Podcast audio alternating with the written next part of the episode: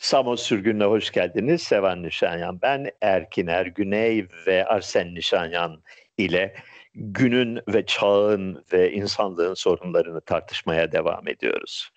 Bugün gene e, olmadık bir konu bulmuşlar. Erkin neydi bir daha söyle bakayım. Ee, insanlığın büyük bir evre atlattığını gözlemledik bu hafta. NASA'nın Perseverance e, rover'ı Mars'a iniş yaptı. Hı. Bu yeni bir çağın başlangıcı ve biz artık uzayda yaşayan bir interplanetary bir tür olacağız. Yani gezegenler arası bir tür olacağız. Bu da evrenin Hı. bence insanoğlunun yaptığı en büyük atılım diye düşünüyorum. Ee, zaten şeyde çok soru geliyordu bu konuda. Pazar sohbetlerinde uzay madenciliği hakkında ne düşünüyorsunuz diye.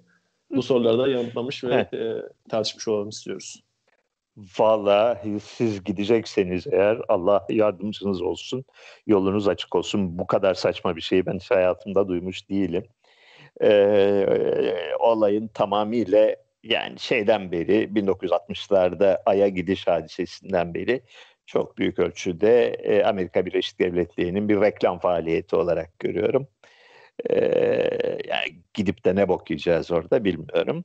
E, yani güzelim bir dünya varken burada bizim fiziksel varlık olarak ve e, biyolojik evrim olarak adapte olmuş olduğumuz, uygun olduğumuz bir çevre varken burada bunun e, bokunu çıkarıp ondan sonra olmadık Allah'ın çölünde kendimize yapay alemler yaratmaya çalışmanın mantığını ben şahsen bugüne kadar hiç anlamadım.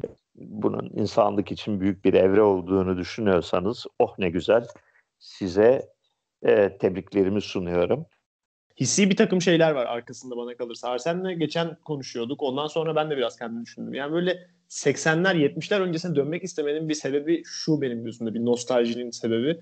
Hala ulan acaba Bali'de ejderha var mıdır? Şimdi tam da bilemeyiz gibisinden modda e, olabileceğini düşünüyorum o zamanlarda. Bu e, yeni keşif heyecanının yok olmadığı bir zaman. 17. 18. yüzyıldaki insanlar düşünürken de böyle bir hissiyata kapılıyor insan. Yani buranın ucu nerede bilmiyoruz. Bakacağız. İşte bu dağlar en yüksek nereye kadar çıkarlar? Hindistan'da sonsuza kadar altın mı var? Amerika diye bir yer bulduk. Buranın ucu neresidir? Gibi şeyleri kaybettik. Artık dünyada en azından benim hissettiğim normal insanların keşfedebileceği, keşif duygusuna doy- doyabileceği bir şey kalmadı. Bunun da tek çaresi uzay gibi görünüyor. Çünkü sonsuz bir evren var. Bunun bir hissi yanı burası. Bir keşif heyecanı ve ulaşabileceğimiz, göreceğimiz şeylerin sonsuz çeşitliliği. Bu beni bir yandan büyülüyor. Öte yandan bunun çok fazla nedensel sebebi de var bence ama belki bununla başlayabiliriz. Daha sen ne düşünüyor bu konuda? Yani bu e, uzaydaki şeylerin gezegenlerin sonsuz çeşitlilik arz ettiği fikri korkarım e, şeyden e, uzay yolu dizisiyle yetişen kuşaklara özgü bir yaklaşım. E, şu ana kadar Ay'da, Mars'ta, şurada ve burada öyle çok da öyle korkunç bir çeşitlilik görmedik. Allah'ın çölü yani bildiğin Sahra çölü. E, Sahra çölü de e, feci derecede sıkıcı bir şey. Yani hiçbir e, heyecan verici özelliği olmayan insanı e, biyolojik bir varlık olarak heyecanlandıran ya da cazip gelen pek çok özellik var dünyada e, suyun mevcudiyeti, bitki örtüsü, hayvan örtüsü, ne bileyim fiziksel mekanın çeşitliliği dünyaya özgü olan. Şu ana kadar tanıma şerefine nail olduğumuz e, gezegenlerden Ay var, Mars var. Yani bıktırıcı birer çöl. E, ötekilerin çoğu da zaten insan yaşamına uygun değil. Ne yapacağız ki orada? Madem mi çıkaracağız? Ama, ama dünyaya bir reset atmak gerektiği inancına kapılıyorum gittikçe. Yani nüfus kontrol edilemez bir şekilde artıyor. Çöp yığınları, betonarme, iğrençlik etrafımızı sarıyor. Dolayısıyla yani dünyada sanki heyecan verici, keşfetmeye değer pek bir şey kalmadı. Dolayısıyla bir sıfırdan başlamak için ilginç bir fırsat olabilir bu. Yani kapalı bir yerde kalıp da şey bilgisayar ekranıyla yaşayacaksan eğer e, dar bir e, mekanın içinde e, bir e, bürokratik veya askeri düzen içerisinde e, sanal bir dünyada yaşayacaksan bunu bu dünyada da çok kolay yapabiliyorsun. Yani evine kapanıyorsun, şey var, lockdown var diyorsun. Bir şeyden de ekrandan yaşıyorsun. Ha bunu dünyada yapmışsın, ha Mars'ta yapmışsın. Ne fark edecek ki? Bizim ee, jenerasyon geç. için böyle olabilir ama önümüzdeki jenerasyonlarda değişecek de bu tabii ki yani. E, elimizdeki teknolojik kabiliyet belki şu an bir topçuk içinde yaşamaya bizi me- mecbur ediyor. Ama bu hmm. Bizden 100 sene sonra böyle olacağına dair bir işaret değil ki e, inanılmaz bir macera düşünsenize yani kalkıp da başka bir e, güneş sistemine gidip bambaşka bir gezegen keşfediyorsunuz. Allah saklasın bir canlı falan buluyorsunuz. Bakıyorsunuz lan bunlar ne diye ve evvelki kaşiflerden çok daha farklı bir noktada olarak bu şeylerin karşılaştığınız şeyler gerçekten hmm. bizim hiç alışık olmadığımız şeyler olacaklar. Bu sizin içiniz nasıl bir keşif heyecanı dolduruyor? Ben onu anlayamıyorum. Sahra çölünde e, ne hangi şeyi bizi heyecanla dolduracak şeyi keşfedebiliriz. Çok net değil kafam doğrusunu istersen. Çöl yani bilin çöl yani toz ve taş dan oluşan bir, bir yokluk alemi. Ee, yani insanlığın geçmişteki keşiflerine e, e, motor olan geçmişteki keşiflerini e, sürükle onun sürükleyici gücü olan şey temelde iki şeydi. Bir ticaretti. Orada insanlar var. Onlardan alacağımız ilginç ürünler bulunur e, onların sanatlarını tanıma ve onların yarattığı ve bizim bilmediğimiz veya ucuza imal edemediğimiz ürünler var duygusu vardı. Bir ticaretti. İkincisi egemenlik duygusuydu. Yani orada insanlar var onları bize tabi kılarız. Çünkü insanın bunlar temel içgüdüleri. Bu ikisi yok şu andaki şeyimizde, e, maceramızda.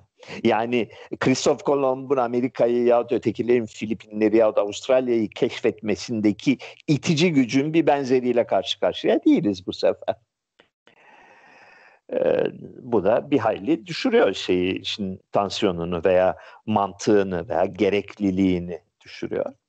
İkincisi e, dünyanın ağzına sıçtık hadi burayı bırakalım başka yere gidelim argümanı bana ahlaken çok çok çok sakıncalı geliyor. Yani madem dünyanın içine sıçtığımızın farkındayız o zaman yani bunu düzeltmenin yollarını aramak lazım. Değil mi?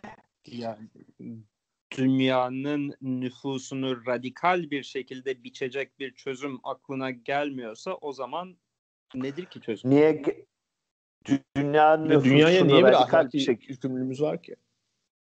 güzel hayata karşı herhangi bir ahlaki yükümlülüğümüz varsa dünyaya karşı da vardır. Yani bu içinde yaşadığımız çevre.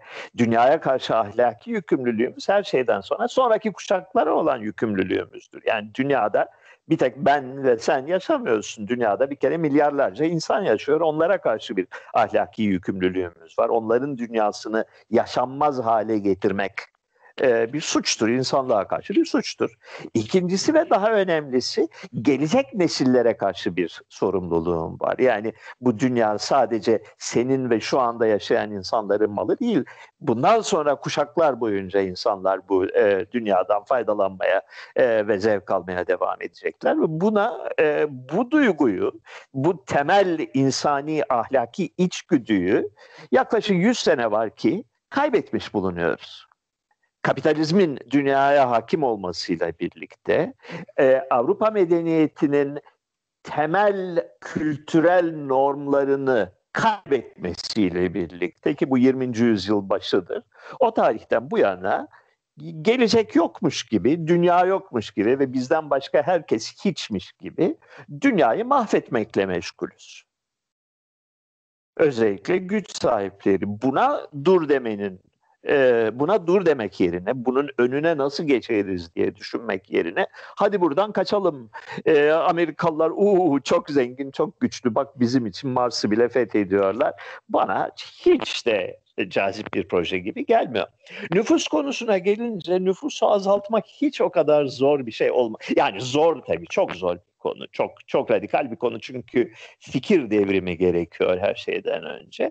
Hayır yani herkesin tarih bilen herkesin bildiği gibi insanları öldürmek bir çözüm değildir. Yani hiçbir işe yaramaz. Yani e, en büyük savaşlardan en korkunç e, salgınlardan sonra bile dünya nüfusu her zaman zıp diye hemen önceki şey seviyesine geri döndü. Yani şeyden sonra da kara vebadan sonra da e, e, İspanyol gribinden sonra da birinci ve ikinci dünya savaşlarından sonra da dünya nüfusunda bir azalma görülmedi uzun vadeli olarak.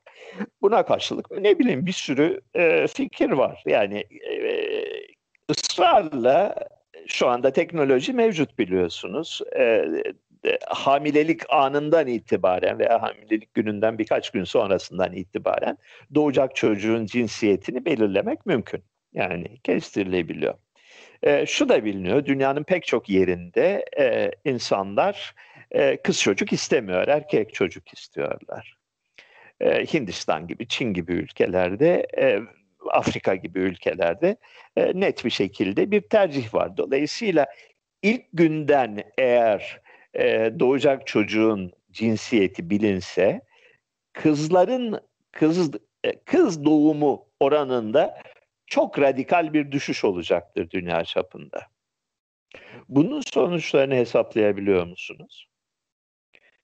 Yani Şimdi buna benzer bir şey oldu aslında. Oldu mu?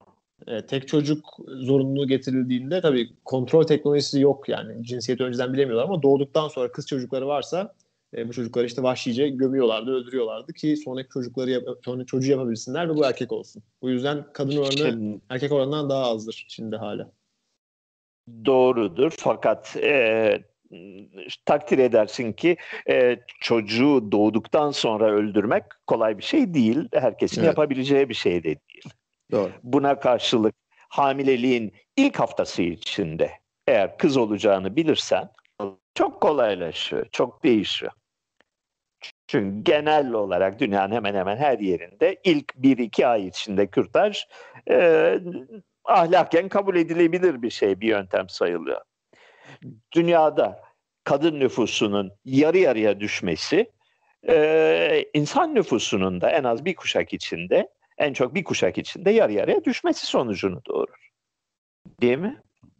Hmm, bilmiyorum bunu ne diyebilirim. Ee, bana o kadar yani datalarla destekli olabilir mi bilmiyorum. Düşünüyorum ama çok makul gelmedi. Yani bunu uygulayabilmek için Çin hmm. usulü bir polis devletini veya bunun üst mekanizmasını bütün dünyada tesis etmenin yaratacağı sosyal travmaları falan Yoksun. Yok, İnsanlar yok, kendileri yok, yapacaklar ala- diyor Sevan Bey. Yani hiç şey, izin ver, cinsiyeti yok, bilsinler, sadece. kız olursa aldıracaklar diyor. Ama bence o zor yani. O e, ciddi bir değişim yaratmaktan uzak olacaktır diye düşünüyorum diye düşünüyorsun. Türkiye'de. Nüfus niye bu kadar büyük bir sorun ki? Ben onu da anlamadım. Yani niye, niye 8 milyar insan çok fazla geliyor? Şundan ötürü. Ee, yan 8 milyar insan kendi başına çok fazla değil. İki faktörün bir araya gelmesidir. Ee, dünyayı yaşanmaz bir hale getiren. Ee, sonsuz kaynak israfına veya sonsuz kaynak kullanımına dayanan bir kültür yaratıldı. Bu kültür son 100 yıl içinde yaratıldı. Yani tüm insanların e, elektrik e, cereyanına, e, otomobile veya benzeri motorlu taşıt vasıtasına, e, cep telefonuna, e, çamaşır suyuna vesaire, e, çamaşır makinesine vesaire ihtiyacı olduğu fikri aşılandı. Ee, önceleri bu dünya nüfusunun küçük bir oranıydı bu ayrıcalıklardan yararlanan. Fakat e, demokratik düşünce, eşitlik düşüncesi, iletişimin yaygınlaşması, eğitimin yaygınlaşması sonucunda dünyada 8 milyar insanın tümü aynı e, maddi kaynak kullanımı ayrıcalıklarından yararlanma e, şeyine vardı ve ihtiyacını hissetmeye başladı. Budur esas hadise. Mümkün değil yani dünyada 8 milyar insanın e, orta sınıf diyeceğimiz yaşam standartına gelmesi onun tüm ayrıcalıklarından yararlanması halinde dünya yaşanabilir bir yer olmaktan çıkıyor. Yani bunun için gerekli olan e, enerji ihtiyacı, bunun için gerekli olan yakıt ihtiyacı, bunun için gerekli olan e, hava kirliliği ve doğal kaynakların kirlenmesi hadisesi tahammül edilemeyecek orada düzeylerde. Herkes tatil yapmak istiyor. Herkes kendi evinin olduğu yerin dışında tatil yapmak istiyor. Bunun insan yaşamına getirdiği kalite kaybı, yani yaşamının önemli bir kısmını e, milyonlarca kişinin biriktiği tren istasyonlarında veya hava alanlarında geçirmek ve oradaki bürokratik kabusla e, yaşamak zorundasın. 8 milyar insana bugün normal sayılan ve asgari sayılan tüketim kültürünü sağladığın zaman bu dünya yaşanabilir bir yer olmaktan çıkıyor. Çıktı bile büyük ölçüde çıktı. Yani e, de, kirlenmedik nehir kalmadı dünyada. E, çöp denizine dönmemiş okyanus kalmadı dünyada. E, ve e, şehir yaşamı dünyanın her yerinde hakikaten insan için bir ömür törpüsü olacak. İnsan yaşamından e, insan yaşamında tat bırakmayacak bir seviyeye ulaştı. Petrol konusunda mesela bir örnek olarak petrolü alalım. Şu son 50 ve 60 yılda dünyanın egemen güçlerinin yaklaşımı tarihin en utanç verici gerçeklerinden biridir. Şunu biliyorlar, bu hızla bu petrolü tüketirsek eğer 30 sene içinde, 40 sene içinde, 50 sene içinde neyse bu tükeniyor. Dünyada kalmıyor petrol. Bu ne demektir? Bu benden sonrası tufan, en ufak bir sorumluluğum yoktur. Yerim, bitiririm. Benden sonra gelecek olanları da umurumda değil anlamına gelen bir yaklaşım. Dünyanın kaynakları olağanüstü bir hoyratlıkla tüketilebiliyor. Ve bunun ahlaken ne kadar problemli bir yaklaşım olduğu, insan hayatını nasıl bir çıkmaza sevk ettiği yani kimsenin umurunda değil. Bu problemlere çözüm bulacak yerde, bu problemlerin problem olduğunu hissedecek ve anlayacak yerde bir oyalamaca yapıyorlar. Yani Mars'a gidiş vesaire bunlar e, aşırı zenginleşmiş ve kibire kapılmış olan bir ülkenin e, göz boyama hamleleridir. Reklam hamleleridir. Dünyayı batırıyoruz, umurumuzda değil. E, sizi de üzmesine gerek yok. Çünkü yarın gidip e, Mars'ta aynen 2020 yılındaki dünya gibi bir e, lockdown yaşamı yaşayacağız. Oh ne güzel. Bir kabus bu. Ee, birincisi yani bir sürü size laflar hazırladım şimdi abi. Ee, ben enerji sektörü inanılmaz çeşitleniyor. Elektronun bitçe, bitmeyeceğine dair çok ciddi bir e, şey var, öngörü var. Yani son damlasını asla kullanmayacağız çünkü gerek kalmayacak muhtemelen fiyat çok artacağı için. Anyways. E, kirlilik ve şeyden bahsediyorsun. Burada bir sürü varsayım var. Yani anladığım kadarıyla iklim değişikliğine biraz hint ediyorsunuz bunu kabul etmek gerekiyor orada eğer ciddi bir zarar ver, verdiğimizi kabul edeceksek. Çünkü kirlilik denilen şey temizlenebilen bir şey. İngiltere örneği var mesela. 150 sene önce e, Manchester olması lazım. Manchester civarındaki bir ovadaki hayvan çeşitliliğinin azalması vesaire var. Arkasından ama hala buralar endüstriyel bölgeler olmasına rağmen buralar temizlenebilmiş ve şu anda daha sürdürülebilir şekilde endüstri devam ettirilebiliyor. Yani burada hmm. kaynaklarımız tükeniyor muhabbetinin çok fazla data olarak karşılığı yok eğer climate change'i işin içine katmaz ve kabul etmezsek. İkincisi burada bunu değiştirmek yerine uzay denilen sonsuz bir şey var. Yani bu bahsettiğiniz şeyler sahra çölü, çöl de olsa bir takım maddeler barındırıyor. Bu maddeleri alabiliriz, Hı. kullanabiliriz. Madem sonsuz isteğimiz var, dışarıda sonsuz da bir uzay var. Sonsuz bir sürü Hı. işe yaramayan gezegenler var. Bunları yiyelim, bitirelim. Niye bitirmiyoruz ki? Bu bizim sonsuz Hı. tüketme isteğimize çare olabilecek bir şey. Yaşam tarzımızı değiştirmemize de gerek yok. Son söyleyeceğim şey de ahlaki sorumluluktan bahsediyorsunuz. Hı. Yani eğer insanlık denilen mesele rastgele bir şekilde oluştu ve bu dünyada bir şekilde ortam sağlandıysa bizim dünyaya aslında hiçbir ahlaki sorumluluğumuz yok. Yani gider Mars'ta aynısını yaratabilirsek e, kimsenin de buna bir şey söyleyeceğini zannetmiyorum. Ah ne güzelden ziyade. Böyle. Mars'ta aynısını yaratırız diyoruz. Öyle mi? E, muhtaç olduğumuz kudret e, insanoğlunun kollarında akıyor falan mı diyeyim bilmiyorum. Yani şey geliyor bana.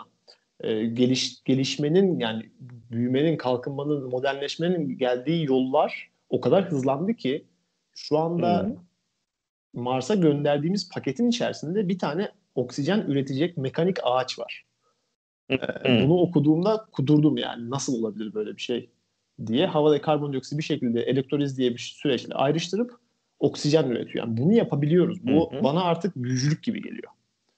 Ee, insanoğlu da bu noktaya vardı anladığım kadarıyla ve sonu görünmeyen bir e, tünele tekrar girdiğimizi hissediyorum. Bu da bana keşif duygusunu tekrardan körüklüyor. Valla son bir yılda herhalde karantinada evinize kapalı olarak çok fazla vakit geçirdiniz. Dolayısıyla dünyanın e, bir küçük kapalı mekana sığacağını ve oradaki yapay amenitilerle, aletlerle pekala yaşanabilir bir dünya kurulabileceğini düşünmeye başladınız. Size tavsiyem biraz yani şehir dışına çıkıp e, dağ dere tepe biraz gezin. E, daha başka bir şeylerle karşılaşıyorsun. Yani bilmiyorum. E, ben şu anda fantastik derecede güzel, coğrafya olarak çok güzel bir adada yaşıyorum. yok o adayı yaratamazsın Mars'ta diye düşünüyorum. Bir benzerini veya daha iyisini. Hatta yüzde birini, hatta milyonda birini bu adanın yaratamazsın. Yani basit.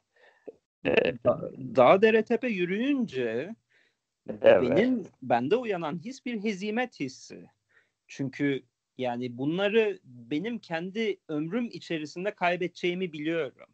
En azından Şirin'in etrafında son 10-15 yıldır yaşananları gördükçe atıyorum hmm. Uşak'ın kırlarını veya İç Anadolu'nun bozkırlarının da önümüzdeki 20 yıl içinde ne hale geleceğini öngörebiliyorum. Yani e, Türkiye hmm. Mısır olma yolunda senin Mısır tasvirine benzeme yolunda çok hmm. hızlı adımlar atıyor. Ve dolayısıyla hmm. sana belki de sormak istediğim soru şu. Sen Şirince'nin güzelleşmesi için burada alternatif bir yaşamı üretebilmek için çok çaba harcadın. insanüstü bir çaba harcadın. Ancak bu konuda ne Şirince köylüsünü ne ortalama Türk insanını ne de Türk devletini ikna edebildin ki bu daha güzeldir diye Ankara'da bir apartman dairesinde yaşamakta. Ee, hmm. Belki içlerinde bir heves oluştu ancak bunun feasible, bunun mümkün olabildiğine dair herhangi bir izlenimleri yok. Hı Ee, dolayısıyla nasıl mümkün ki biz şu anda bu dünyada gidişatın yanlış olduğunu kitlelere ikna edebiliriz ve insanlar oturup bir düşünür biz nerede yanlış yaptık ve daha iyi nasıl yapabilirdik diye. Yani davayı taşıyan bir insan olarak senin tavsiyen nedir? Ne yanlış gitti? Bir şekilde kapitalizmin çökertilmesi lazım bunun e, yani insanlığın kurtuluşu Mars'a gidişte değil kapitalizmin çökertilişinde. Benim gördüğüm birinci gözlem bu. Bunun çok zor hatta imkansız olduğu kanısına varıyorum. E, dolayısıyla biraz daha feasible olan diğer seçenek insan nüfusunun radikal bir şekilde azaltılması. İnsan nüfusu azaltıldığı zaman kapitalizmin problemleri, sıkıntıları da en azından yumuş, yumuşayacaktır. En azından e, bugünkü şiddetiyle hissedilmeyecektir. Yani iki tane temel hedef bunlar. E, birincisi çok zor görünüyor kapitalizmin. Yani kapitalizmin çökertilmesi kendi kendini çökertebilir. Bundan e, yani o konuda umudumu hala koruyorum. Fakat örgütlü bir şekilde ve kararlılıkla kapitalizmle mücadele etmek imkansız görünüyor. Ama kağıt üzerinde kapitalist olmayan ülkeler bile aynısını yapıyordu. Yani Sovyetler Birliği güzellikler diyarı mı yarattı? Şimdi şöyle bir şey var. Bunlar... Kap- yok yok yok yok yok. O yani bir kere o varsayımdan vazgeç. Dünya dünya üzerinde kapitalist olmayan ülke yok şu anda. Tamam ne tamam. Çin ne Sovyetler ne Rusya. Var. Bundan 300 yıl evet. önce yapı malzemesi olarak beton ve alüminyum bu kadar ucuz olsaydı ortalama bir Türk köylüsü de ortalama bir İnka köylüsü de gene aynı mezbeleliği inşa edecekti muhtemelen. Dolayısıyla öyle bir noktaya geldik bu ideolojik bir şey değil artık. Bu bir ihtiyaç meselesi. Çok fazla hmm. insan var ve bu yere, yurda, yuvaya ve para kazanmaya ihtiyacı var ve bunu artık ucuz hmm. yoldan ve çirkin bir şekilde üretebiliyor. Yani ortalama herhangi hmm. bir insan briketleri üst üste dizip gece kondu inşa edebiliyor. İnsanların yani, genel olarak köleleşmesinin bir sonucu. Yani e, ruhen ve yaşam olarak ve ekonomik olarak insanlar köle haline geldiler. Çok büyük kitleler. Ezici çoğunlukta. Bütün bütün dünya, bütün nüfus köleleşti. Bütün nüfus e, bir çılgın bir döngü halinde kendisine dayatılan sahte bir takım ihtiyaçlara ulaşmak amacıyla nefret ettiği bir takım işlerde köleler gibi çalışıyor bu bu emeği, bu çalışmayı, bu köleliği azaltma ya da bundan vazgeçme gibi bir opsiyonları yok. Önceleri sadece yetişkin erkeklerin çalışması söz konusuydu. Gitgide artan bir oranda kadınlarda, herkeste, bütün bütün nüfus, bütün insanlık kapitalin kölesi olarak borçlarını ödeyebilmek için sürekli olarak çalışmak zorunda ve bir e, ekonomik cömertliğe imkan veren, yani fiyat önemli değil. Ben güzel bir evde oturacağım kardeşim ve güzel bir yerde otur, güzel bir mekanda yaşayacağım deme lüksüne kimse sahip değil. Yani bu acıklı süreç. Bunu daha önce de konuşmuştuk ama ben niye sizin bu noktaya geldiğiniz ya Arsen'de katılıyorum bilmiyorum. Bu niye nasıl bu noktada olduğunuzu tam anlayamıyorum. Yani ben elimdeki telefonu bir ihtiyaç olarak görüyorum. Bu bana dayatılmış bir şey değil. Hatta bana kalsa e, ayakkabım yırtık olsun ama telefonum iyi olsun. Çünkü ben buradan bir sürü şey uğraşıyorum, öğreniyorum falan filan. Bunlar insanların kendisine dikte edilen şeylerden ziyade kendimiz de kullandığımız deneyimimizden bildiğimiz üzere tercih ettiğimiz şeyler. Yani insanlara bu yaşam tarzı dikte ediliyor değil mi? Başka bir şeyden vazgeçip iyi evde, güzel evde de oturabilir. Güzel evlerde hala olduğunu biliyoruz. Hmm. Bunu yapmak için çalışmaları gerekiyorsa bu da büyük bir kopuş değil zaten. Bunu, bunu da bir podcast'ta daha önce konuşmuştuk. Ee, çalışmamayı tercih edebilirler. İstemiyorsa çalışmazlar. Ama şeyi anlamıyorum. Burada mesela sizi bu noktaya getiren ne oldu? Yani mesela gördüğünüz somut bir örnek olarak ben şunu gördükten sonra değiştim ve böyle düşünmeye başladım diyebildiğiniz bir şey var mı yoksa bir dönem vesaire? Çünkü daha öncesinde ben sizi yani daha gençlikten beri takip ettiğim için sanki evvelden biraz daha farklı bir noktadaydınız. Farklı bir tondaydınız. Doğru. Onun bir değişme şeysi ne zaman oldu? Onu e, şey yapamadım. Düşündüm. Ee, cezaevi evet etkili etkili bir deneyimdi. Yani orada şeyin farkına daha net olarak vardım. Yani hayatta e, önemsediğin, hayatta peşinden koştuğun pek çok şeyin ne kadar boş ve anlamsız şeyler olduğunun farkına daha iyi vardım. Evet yani bu bir faktördür. Ee, genel olarak olgunlaşma diyeceğim. Bir aklıma gelmeyen bir İngilizce terim var. Başlangıç noktaları şeyler değişiyor. Normlar e, kıyaslayabildiğin şeyler kuşaktan kuşağa değişiyor.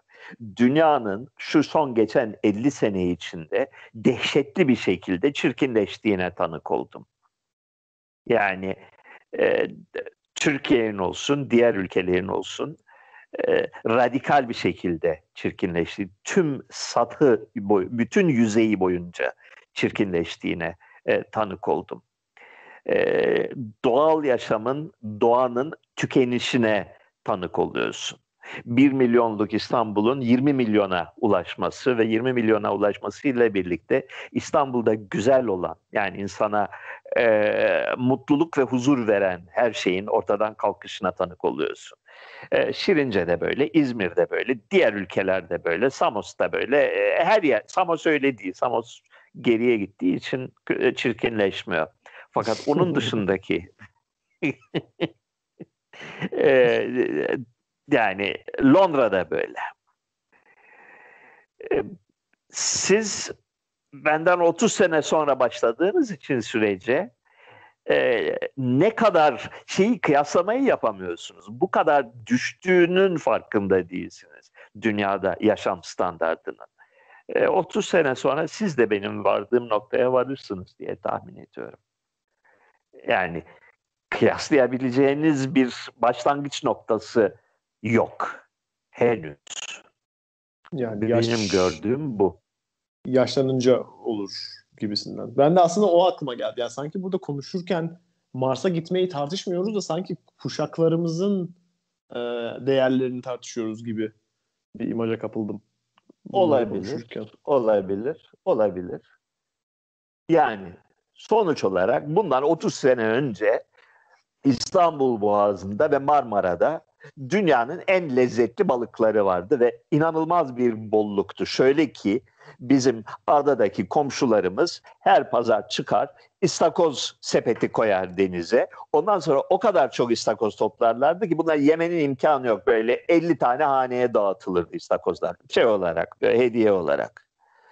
Ee, o noktadan bugün geldiğimiz noktaya bak.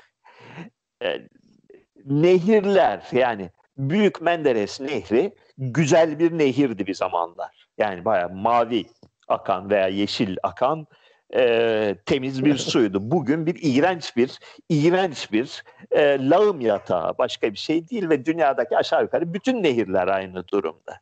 Hepsi de iğrenç birer lağım yatağına dönüşüyor. E, yani Mısır bir zamanlar e, rüya güzelliğinde e, köşeleri bucakları olan bir yermiş bunu görüyorsun. Eski resimlere bakıyorsun, anlatılara bakıyorsun. Yani şu anda bir uçtan uca taşlı tarla yani şey sanayi mıntıkası ve çirkin bir geto.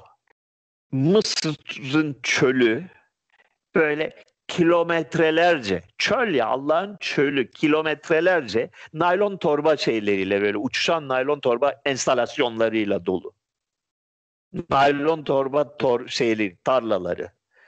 Yani burada müstehcen bir şey var. Burada yani alçakça bir şey var yapılan şey.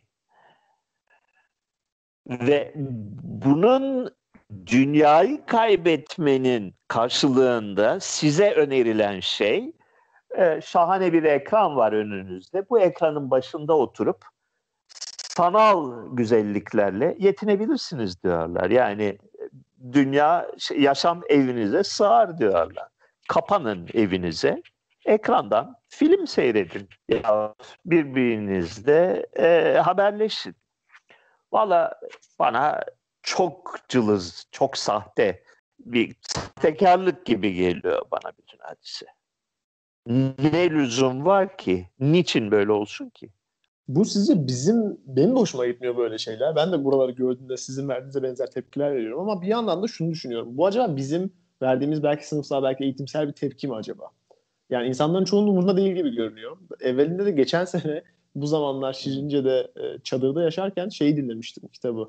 Yani Notre Dame'ın kamburunu dinlemiştim audiobook şeklinde. Ve orada şeyden uzun uzun bahsediyordu. Notre Dame ilk yapılırken İnsanların hmm. onu inanılmaz eleştirmesi mimari üstün yüzünden. Bu çok çirkin, korkunç falan filan ama bugün biz hala tapıyoruz bu, bu binaya, bu binanın temsil ettiği mimari akıma vesaire. Hakeza Paris'in hmm. korunması gibi yani 18-19. yüzyıl binalarını tamamen koruduk. Çünkü bunun iyi bir şey olduğunu düşünüyoruz. Belki de bize bu öğretiliyor. Belki de bizim böyle verdiğimiz doğal bir tepki bilmiyorum ama bunu niye yapıyoruz? Niye bu güzel ki? Ya da insanların çoğunun burada değilse belki böyle bir genel geçer doğru da yoktur. Zaten değil yani. Olabilir tabii tabii yani insan e, kültürel bir varlıktır. Verilen kültürle yani öğrendiği doğumun doğumundan ilk gençliğine kadar öğrendiği bir e, değerlerle ve simgelerle yaşar. Bu bu bir gerçek ve bunun da dışına çıkmamıza imkan yok. Yani kendimizi e, e, sosyal değerlerimizden soyutlayıp e, tanrısal bir bakış açısına ulaşmamıza imkan yok. Bugün bu, bu, e, bu o konuda haklısın. O zaman Mars'a da güzellik olabilir. O... Mars'ta estetiği yakalayabiliriz. Oradaki ilk jenerasyon bunu bilecektir ve buranın güzelliklerine yoğunlaşacaktır. Hı-hı. Bu da oradaki insanların güzel buldukları şeyi bizim güzelimizden daha sanal yapmaz herhalde. Valla e, balık tutmak yerine ekranda e, sanal olarak bir oyunda balık tutmak onun yerini alabilir diyorsan ee, eyvallah ben yani bana basmıyor. Benim kafam buna basmıyor. Yani sanal dünya bana çok çok yetersiz ve ilkel geliyor. Bir sahte bir dünya gibi geliyor. E, tatmin etmiyor beni. E, bu benim kültürel yetersizliğimden de olabilir. Bu bir gerçek. Bu, bu bir.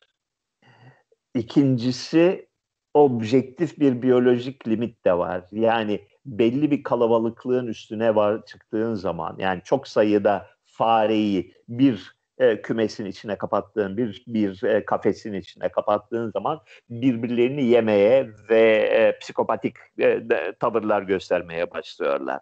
Bu kültürel bir şey değil, bu biyolojik bir şey.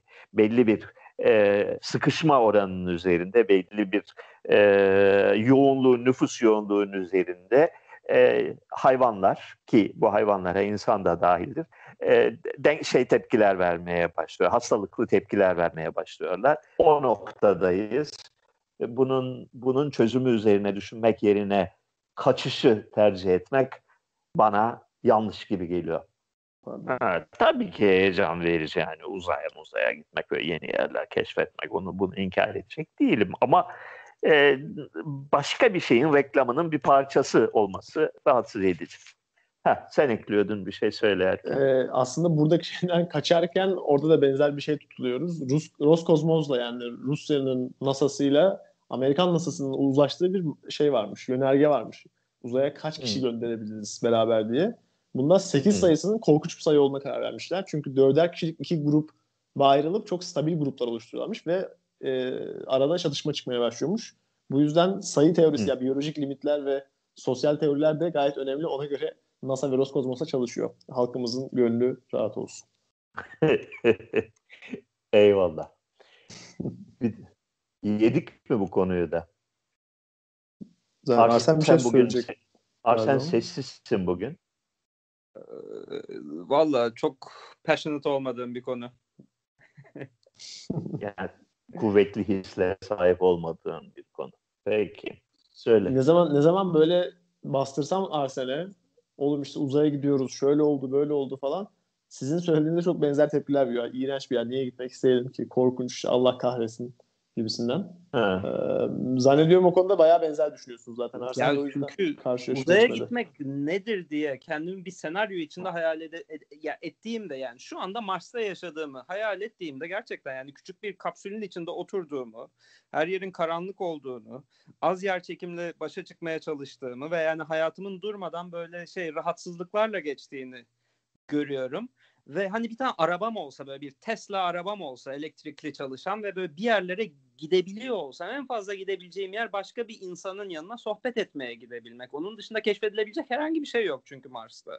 Evimin dışında. Ee, ama evet. belki bu bu benim hayatım... Bildiğin lockdown hayatı yani. Bayağı lockdown hayatı. Yani, benim hayal gücümün yani. yetersizliğinden midir bu onu da bilmiyorum ama.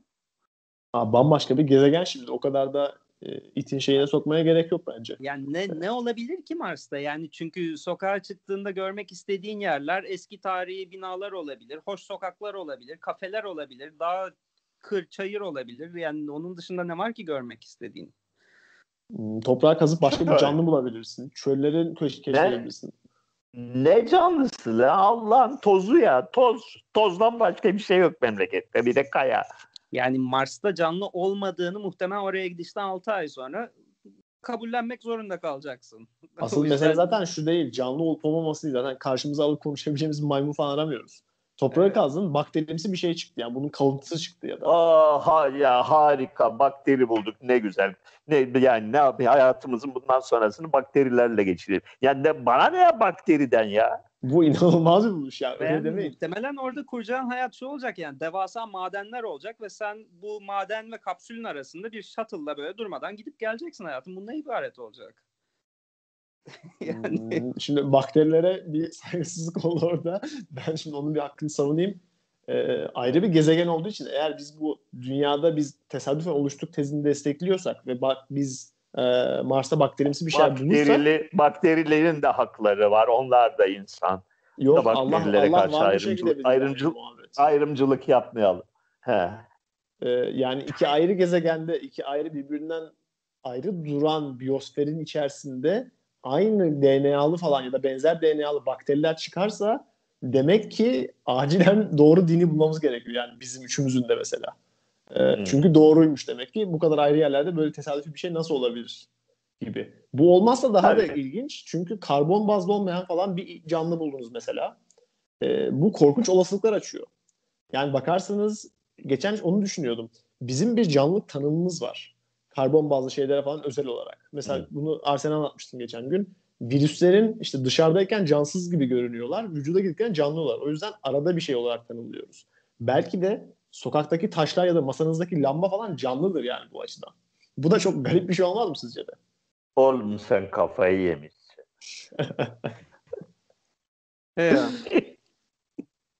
yani entelektüel muhabbetimize yarım saatlik malzeme olacak bir şeyler çıkar ama onun ötesinde hayatımda radikal bir impaktı olacağını zannetmiyorum.